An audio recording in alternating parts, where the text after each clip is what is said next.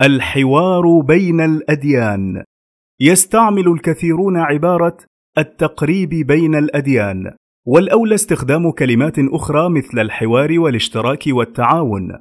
وبخصوص ذلك ينبه المجلس إلى أنه إذا كان المقصود به إذابة الفوارق بينها من أجل اللقاء في منطقة وسطى جمعا بين التوحيد والتثليث والتنزيه والتشبيه مثلا فذلك مما يأباه الدين الخاتم الكامل. قال تعالى وأن احكم بينهم بما أنزل الله ولا تتبع أهواءهم واحذرهم أن يفتنوك عن بعض ما أنزل الله إليك. غير أن للحوار والاشتراك والتعاون بين رسالة الإسلام والرسالات السماوية الأخرى معاني مقبولة لأمر الله تعالى بقوله وجادلهم بالتي هي أحسن ولقوله عز وجل يا أهل الكتاب تعالوا إلى كلمة سواء بيننا وبينكم ألا نعبد إلا الله ولا نشرك به شيئا ولا يتخذ بعضنا بعضا أربابا من دون الله وتأسيا بسنة رسول الله صلى الله عليه وسلم في الحوار مع نصارى أهل نجران وغيرهم وذلك اعتبارا لأصول الإسلام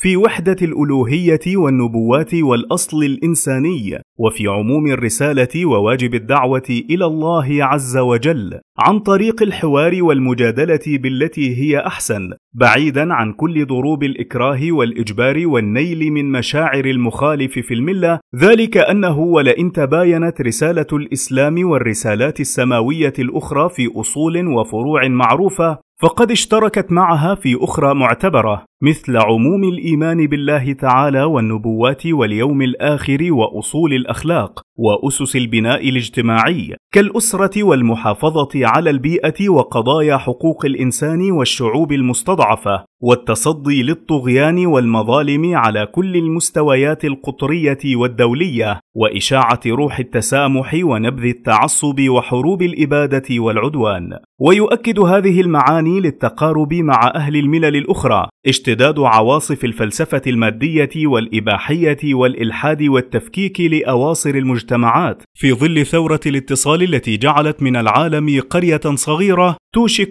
أن تشترك في المصير بما يعزز مساعي الحوار والتعاون مع أهل الملل الأخرى ولا سيما مع أهل الكتاب ابرازا للمشترك ودفاعا عنه. بدل النكء المستمر لجراح الاختلاف قال تعالى يا أيها الناس إنا خلقناكم من ذكر وأنثى وجعلناكم شعوبا وقبائل لتعارفوا إن أكرمكم عند الله أتقاكم. ولقد شهد صاحب الدعوة عليه السلام أن عباد الله كلهم إخوة وقال تعالى وتعاونوا على البر والتقوى ولا تعاونوا على الإثم والعدوان.